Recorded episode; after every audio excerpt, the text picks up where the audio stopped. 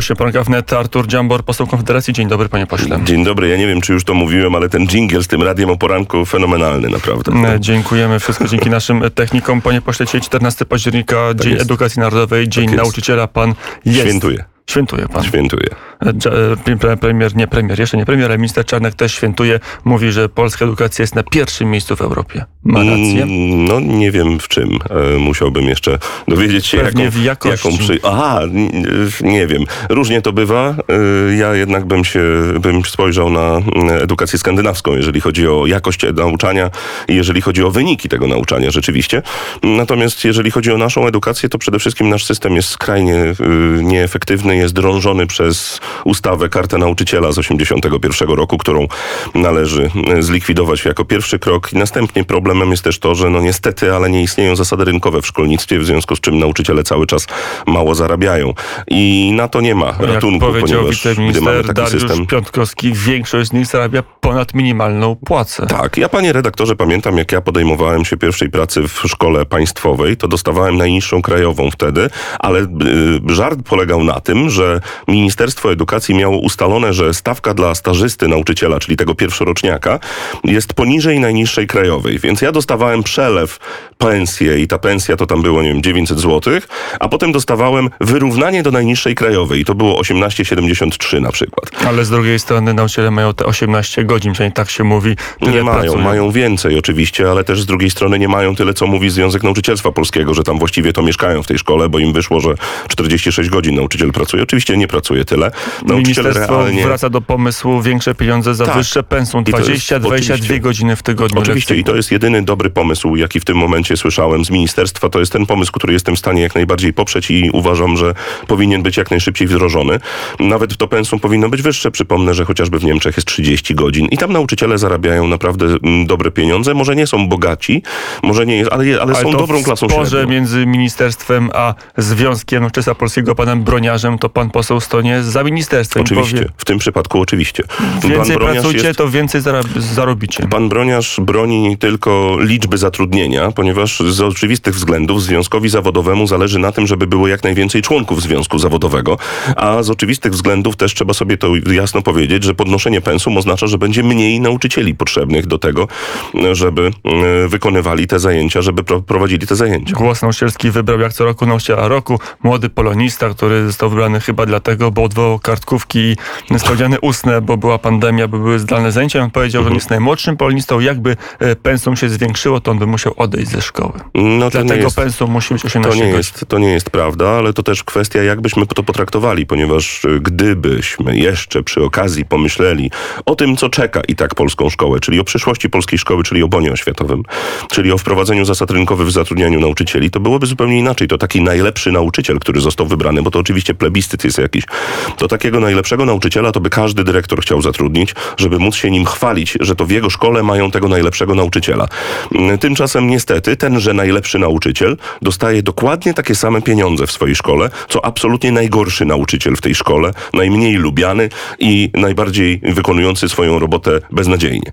Niestety, taką mamy, taką, taki mamy rynek nauczycielski, że wszyscy dostają tyle, ile ministerstwo powiedziało, niezależnie od miasta, niezależnie od szkoły. Tylko ewentualnie mają te awanse, czyli mają zrobionego albo mianowanego, albo dyplomowanego, co pozwala im oczywiście trochę więcej zarabiać. Kiedyś dyplomowany miał być wyróżnieniem, teraz jest naturalnym stopniem kariery. Tak, jest naturalnym stopniem, ileś ale jest jeszcze gorzej, bo ci zdaje. dyplomowani dostają bardzo często to, oczywiście część z nich to są cudowni nauczyciele, którzy powinni właśnie być tymi, mm, tymi którzy prowadzą nas przez edukację w, we wczesnych latach, a część z nich to są po prostu ludzie, którzy odsiedzieli swoją ilość lat w tej szkole i za, przez zasiedzenie po złożeniu odpowiedniej dokumentacji dostają odpowiednio awans. Bo tam nie ma jakiejś wielkiej weryfikacji. Artur Dziambor, poseł Konfederacji, były nauczyciel także i w, ty, w edukacji państwowej, i w edukacji prywatnej. Gościem poranka w netto od edukacji, od święta. Przejdźmy teraz do polityki.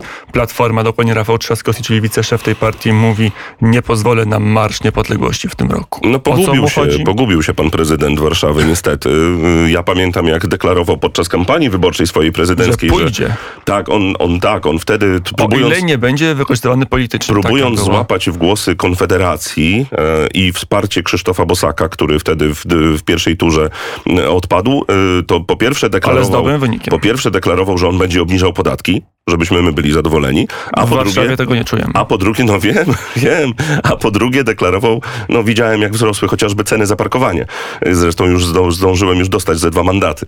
Yy, po drugie, będą większe. Po drugie, po drugie deklarował, że pójdzie w Marszu Niepodległości.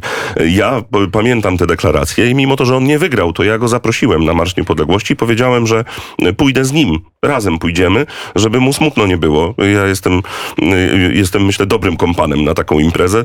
Yy, no, ale jakoś tak widzę, że nie ma mm, woli z jego strony. Ale... A udowodniłbym mu, że to naprawdę nic strasznego. Ale to może był błąd mm, Roberta Bąkiewicza, że on się pojawił na manifestacji Donalda Tuska, że ją próbował zagłuszyć, albo nawet skutecznie ją zagłuszał, że wybił z rytmu ale... byłego szefa Rady, kiedy przemawiał i musiał się zatrzymywać, bo w tle był Robert Bąkiewicz i to może jest retorcja, może Robert Bąkiewicz powinien być bardziej uległy, ale wtedy miałby zgodę. Panie redaktorze, na Marsz Niepodległości nie idzie się dla Roberta Bąkiewicza. Ja Roberta Bąkiewicza w ogóle osobiście nie znam, nigdy w życiu na oczy go nie widziałem i nie, nie szykuje mi się to żadne tak spotkanie tak z nim. E, natomiast, no właśnie, natomiast, natomiast w Marszu Niepodległości pójdę.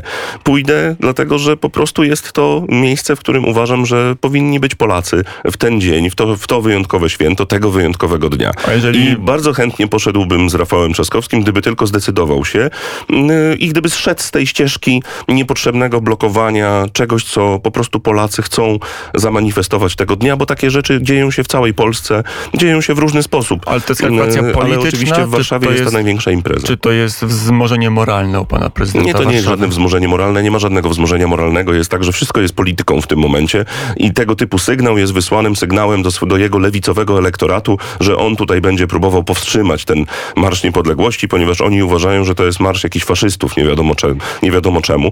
Tymczasem idą w nim całkowicie normalni ludzie i po prostu chcą zamanifestować tego dnia zadowolenie z tego, że istnieje Polska, że y, pokazać, że, że jest się patriotą. To jest bardzo, bardzo chyba jasny sygnał i myślę, że jest to miejsce dla każdego, więc jeszcze raz powtarzam, trzeci raz już, chętnie pójdę z Rafałem Trzaskowskim pod Zobaczymy, czy Rafał Trzaskowski na to zaproszenie odpowie hasło niepodległość nie na e, sprzedaż. Może hasło tak jest. jest. niedobre, może w dobie hasło po Lexicie to jest e, hasło, które kuje w oczy Tutaj jest kolejna rzecz, w której oni się pogubili, ponieważ to, co się działo w niedzielę w Warszawie, niestety jest zbudowane na pewnej manipulacji, właściwie nawet można powiedzieć na kłamstwie. Ci ludzie, którzy przyszli na ten wiec, zostali przez Donalda Tuska wkręceni w to, że coś się dzieje złego, że będzie polexit. Tymczasem nie ma absolutnie żadnego powodu, żeby myśleć, że właściwie w takim kierunku idziemy. I manifestowanie większego przywiązania do wartości unijnych niż do wartości polskich, polskiej konstytucji i tak dalej, no niestety można odczytać bardzo negatywnie z punktu widzenia polskiego patrioty, który jednak chciałby, żeby ta Unia Europejska trochę inaczej wyglądała. E, więc mówię, oni się pogubili, strasznie się pogubili, kompletnie nie rozumieją tego, że e, w ten sposób walczą o elektorat niszowy. Konfederacji co to znaczy? No bo byli posłowie Konfederacji, np. E, pan poseł Wilk czy pan poseł Kulesza, którzy sugerowali albo wprost mówili, że oni zagłosują na Rafała Trzaskowskiego. Z tej nie perspektywy... Przypominam sobie, nie, żeby ktokolwiek poseł, deklarował wprost, natomiast... Pan poseł Wilk powiedział, dosyć, że zagłosuje, bo to przyspieszy dosyć... upadek PiSu i będzie będzie lepiej, bo szybciej wszystko się rozpadnie. Okay. Cytuję dokładnie słowa pana Dobra. posła Wilka. Jacka Wilka. Jacek Wilk nie jest posłem dzisiaj. Natomiast, natom, nie, no wtedy, no wtedy był, byłem posłem. Natomiast rzeczywiście jest tak, że duży elektorat głosował na Rafała Trzaskowskiego nie dlatego, że tak uważał, że Rafał Trzaskowski był lepszym prezydentem, tylko po prostu tak bardzo miał dość już tego PiSu, że uważał, że cokolwiek trzeba zrobić, żeby tylko odszedł Andrzej Duda czy Prawo i Sprawiedliwość właśnie, żeby zakończyło swoje rządzenie. Taka była motywacja. To nie była motywacja oczywiście zbudowana na tym, że Rafał Trzaskowski takim cudownym przywódcą jest. Zresztą te 10 milionów głosów prawie, które dostał, mm, bo było tam przecież blisko, tak, to co najmniej połowa z tych, co uważam, że to, byli, to były Ale głosy przeciwko Andrzejowi Dudzie. Był taki podział nie tylko w elektoracie, ale także w samych politykach, wśród samych polityków Konfederacji. No ja pamiętam wywiady moje zresztą z, z tuż przed drugą turą, czy to z, z Robertem Winickim, czy, czy z samym hmm. Krzysztofem Bosakiem, którzy pod koniec, w, w piątek, w czwartek sugerowali, że jednak Andrzej Duda byli tacy politycy, którzy sugerowali, że jednak Rafał Trzaskowski, bo bardziej liberalny, bo robiliśmy, bardziej wolnościowy gospodarczo. Robiliśmy co mogliśmy, żeby e, nie pozwolić się e, przylepić do jednej ze stron i to robimy cały czas konsekwentnie i dlatego rośniemy w sondażach cały czas. Dlatego, że mm, e, w momencie, gdy cała Polska jest od 20 lat podzielona na te dwa obozy i te dwa obozy mają monopol na to, żeby dyktować warunki i dyktować tak naprawdę przekaz. My się wszyscy musimy dostosowywać do przekazu, który budują te dwa największe przedsiębiorstwa no to y, jednoznaczne postawienie się po jednej ze stron sprawiłoby, że bylibyśmy już do końca świata traktowani jako przystawka A jednej z jeszcze na sekundę do tej niedzieli wróćmy do, do demonstracji Donalda e, Tuska. Ona Mhm. była w takim haśle właśnie podział na PiS i PO i to nawet nie lewica, prawica, No, tylko Donald Tusk od Moczulskiego do Millera, e, no i oczywiście ten zły PiS tam Ale Kaczyńskiego, akolici. oczywiście, bo im na tym zależy. Oni cały czas na tym żerują, oni z tego żyją. Egzystowali bardzo dobrze. To jest symbioza pełna PiSu z Platformą, jeżeli chodzi o podział sceny politycznej. Wiadomo, że oni mają do dyspozycji około 70% wyborców y, w tym momencie, więc wyrwanie kogokolwiek, jeżeli ma pan tak, że przez, ludzie przez ostatnie 20 lat głosowali zawsze na PiS albo zawsze na Platformę, to wyrwanie ich z tego, to jest nie lada A wyczyn. Platforma was nie kusi? No, Donald Tusk jaki 3 sposób? razy 15, jednak e, 3 razy kiedyś 15 to było kongres, 20 kongres, lat temu, panie redaktorze. Ja wtedy Kongres pamiętam, zbierałem liberalno-demokratyczny. Tak, a potem Donald Tusk powiedział, że w sumie kiedyś był liberałem, a teraz już jest socjaldemokratą. Jak był premierem, tak E, a Platforma prawda. Obywatelska nie spełniła żadnej ze swoich obietnic z 2001 A teraz roku. Donald Tusk mówi patriotyzm, jesteśmy patriotami, to słowa Tak, padały w, też, niedzielę. też, też uważam, Bronimy że, że jesteśmy patriotami. E, Nie skusi was tym swoim zwrotem na prawo Donald Tusk? Ale nie ma tam żadnego zwrotu na prawo. W, No, retoryczny w jest. koalicji obywatelskiej dalej zasiadają posłowie, którzy są ultralewicowi ze wszystkich absolutnie stron, więc zobaczymy, co zrobi z nimi Donald Tusk, ponieważ rzeczywiście można by mieć nadzieję, że Donald Tusk będzie jakkolwiek centroprawicową politykę chciał uprawiać, ale dzisiaj nie ma takiego sygnału. On w tym momencie uprawia politykę europejską, proeuropejską, prounijną dokładnie, bo no, jakoś, w jakiś sposób mentalnie chyba nie potrafi się wyrwać jeszcze ze swojej poprzedniej pracy. Mm, To jeszcze jedna rzecz, która dzieli polską scenę polityczną. Gdzieś trzeba się, gdzieś trzeba stanąć, czyli kwestia muru na granicy, kwestia Mhm. ochrony e, granic. W tej sprawie Konfederacja stanęła po stronie rządu. Znaczy po I stronie w dwóch Polski. ważnych głosowaniach. No razem no, ja z rządem. Myślę, to tak, no, razem to, z większością Tutaj rządu. jest sytuacja taka, że ja się naprawdę mocno dziwię, że opozycja zdecydowała się wykorzystywać ten temat jako temat polityczny. Naprawdę za, za to, jak rządzi Prawo i Sprawiedliwość, za chwilę mamy debatę budżetową. Będziemy uderzać I w absolutnie wszystko, co robią złego. Natomiast w tym przypadku powinniśmy wszyscy stać po jednej stronie. Uznać, że troszkę się tam niektórzy posłowie wygłupili, zapomnijmy o nich, już nie śmiejmy się z nich. Natomiast jeżeli chodzi o obronę naszych granic, to to powinna być nasza wspólna sprawa. I tutaj powinien Donald Tusk stanąć z, Lechem, z Jarosławem Kaczyńskim, z Kosiniakiem Kamyszem, z Włodzimierzem Czarzastym i z nami również i, i powinien po prostu powiedzieć, dobrze, to jest polska sprawa, nasze bezpieczeństwo, a potem zastanowimy się nad całą resztą. E, Więc e, tak powinno być. Jest inaczej. Lewica mówi, Platforma mówi, Szkoda. muru nie wybudujemy. Dzisiaj będzie głosowanie nad specustawą Mhm. półtora miliarda złotych. Będziecie za? Będziemy za. E, Mimo tego, że nie ma tych warunków, nie ma, nie ma transparentności wydawania tych pieniędzy. Będziemy za, musimy zaufać tutaj naszym służbom. Nie ma tutaj czasu na dyskusję o tym, kto będzie w jaki sposób te pieniądze wydatkował w tym momencie, ponieważ będziemy widzieli to z raportów, będziemy widzieli postępy, będziemy to kontrolowali. Jest Najwyższa Izba Kontroli, która na pewno będzie też to kontrolowała. Są media, które będą to obserwowały po zejściu już okresu mm, stanu wyjątkowego. Wtedy przecież media będą mogły tam wjechać i oglądać to wszystko i pokazywać. Mm, Więc y, tak naprawdę w tym momencie nie ma co czekać. To hasło Build the Wall, ja sobie tutaj pozwolę przypomnieć, że mm, chyba byłem pierwszym posłem, który powiedział, że w tym momencie te 30 dni było z pierwszych straconych, teraz trzeba wprowadzić politykę Build the Wall. Mm, y, Cieszę się, że to jest realizowane, y, także my będziemy to popierać. Powiedział Artur Dziambor, poseł Konfederacji i nauczyciel języka angielskiego, co Państwo mogli usłyszeć, ale może zostaniemy w języku polskim. Dobrze, też em, cena benzyny. E, Wczoraj, w, w, wczoraj telewizja Trwam opublikowała e, materiał w swoim serwisie informacyjnym, który przypominał, jak politycy Prawa i Sprawiedliwości w roku 12, 2012 stawowali platformy za nieobniżenie akcyzy, bo benzyna też podchodziła pod 6 zł, teraz granica została złamana, mamy najdroższą benzynę w historii, czy prawie najdroższą e, i PiS nic nie robi. No na razie nic nie robi. Pytanie, co zacznie robić, ponieważ ich zacznie to boleć. W pewnym momencie jest tak, że to się stanie już temat główny mm, przekazu, ponieważ od cen paliwa zależą też wszystkie inne ceny. Bo Ale też to od nie jest wina rządu. Gaz zdrożał o 936% na giełdach. Tak, ja 900%. pamiętam, ja pamiętam Jarosława Kaczyńskiego, który w rządził w latach tego roku. 2005-2007 powiedział, że w związku z tym, że paliwo jest drogie, no to on pójdzie negocjować z prezesami spółek, które zarządzają paliwami w Polsce Polsce i on wy, wymęczy u nich, żeby oni obniżyli marże. I to się wydarzyło, ponieważ Jarosław Kaczyński, będący premierem, wtedy miał taką władzę. Dzisiaj też ją ma, właściwie dużo większą, bo wystarczy, że SMS-a wyśle do prezesa Orlenu, co ma z tym zrobić i będzie to zrobione. To po pierwsze. Po drugie, no mamy jeszcze jakieś możliwości operowania, czy to VAT-em, czy to akcyzą, czy to opłatą paliwową. Oczywiście one nie są duże i tu też trzeba być szczerym.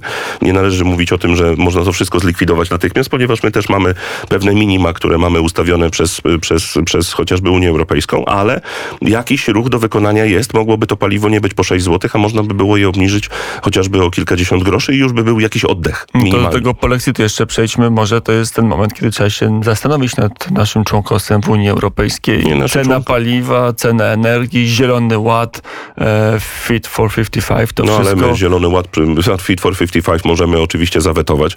Nie sądzę, żeby to wchodziło w takiej formie, w jakiej jest nam przedstawiane, bo tam te zapisy są absolutnie dla nas nie do zaakceptowania. Ale nie jest tak, że Unia Europejska Zielony Ład to jest oczywiście też błąd tego rządu. i Konfederacja powinna no jasne, powiedzieć... że tak jest. No ale to właśnie dla, o tym my mówimy od samego początku i myślę, że nasz rząd, który by jest bardzo prounijnym rządem, wcześniej przecież i wspierał wejście do Unii Europejskiej i podpisali traktat lizboński i potem jeszcze premier się w 2020 roku w lipcu dogadał, że bierzemy te pieniądze, zgadzamy się na wszystko właściwie, co my krytykowaliśmy jako jedyni, gdy nikt nie chciał tego dostrzec. Mm, teraz jest tak, że no, trzeba się mocno stawiać w niektórych kwestiach i nie pozwalać Unii Europejskiej stawać się tym superpaństwem, którym chce od bardzo dawna już być, od traktatu lizbońskiego właściwie. Czyli co, rację mm. ma Zbigniew Ziobro, a nie Mateusz Morawiecki? Trochę tak tak w tym sporze zdecydowanie Zbigniew Ziobro jest bliższy, bliższy prawdy niż y, Mateusz Morawiecki. Mateusz Morawiecki próbuje tam robić jakieś biznesy i robi je bardzo słabo. N nie wykazuje się skutecznością niestety i to się odbija później na tym, że, y, że, że no my źle wyglądamy na arenie międzynarodowej. Co musiałoby się stać, żeby Konfederacja, żeby Artur Dziambor poparł budżet na rok przyszły? No, musieliby.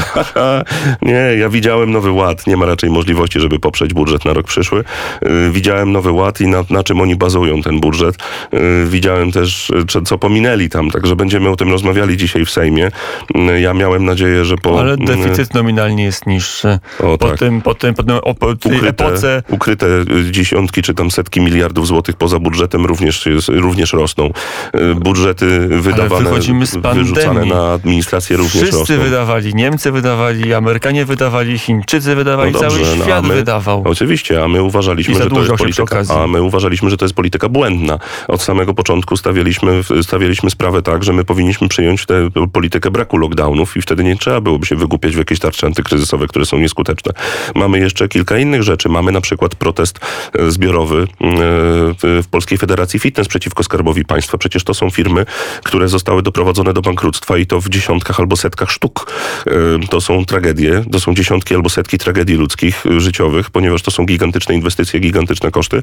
Mam teraz sytuację taką, że jedna z, jedna z restauracji, w których ja spotkania robiłem w Słupsku, właśnie się szarpie z Sanepidem. Sanepid właśnie wjechał im na konto, zablokował im możliwości operowania kontem. Dzisiaj właściciel tej restauracji nie może wypłacić pensji swoim pracownikom, ponieważ Sanepid zablokował mu konto, ponieważ na nim ciążyły te 30-tysięczne mandaty za to, że nie zamknął restauracji podczas pandemii. To I, może nie to może niepotrzebnie słuchał Konfederacji i hasła otwieramy. No nie słuchał Konfederacji. On po prostu uważał, że to jest absolutnie absurdalne, tak jak my, to po pierwsze. Nie jest to człowiek związany z Konfederacją, to jest po prostu prywatny przedsiębiorca. 33, panie pośle, jak ktoś się nie słucha e, państwa, to musi ponieść konsekwencje, bo na tym polega wspólnota.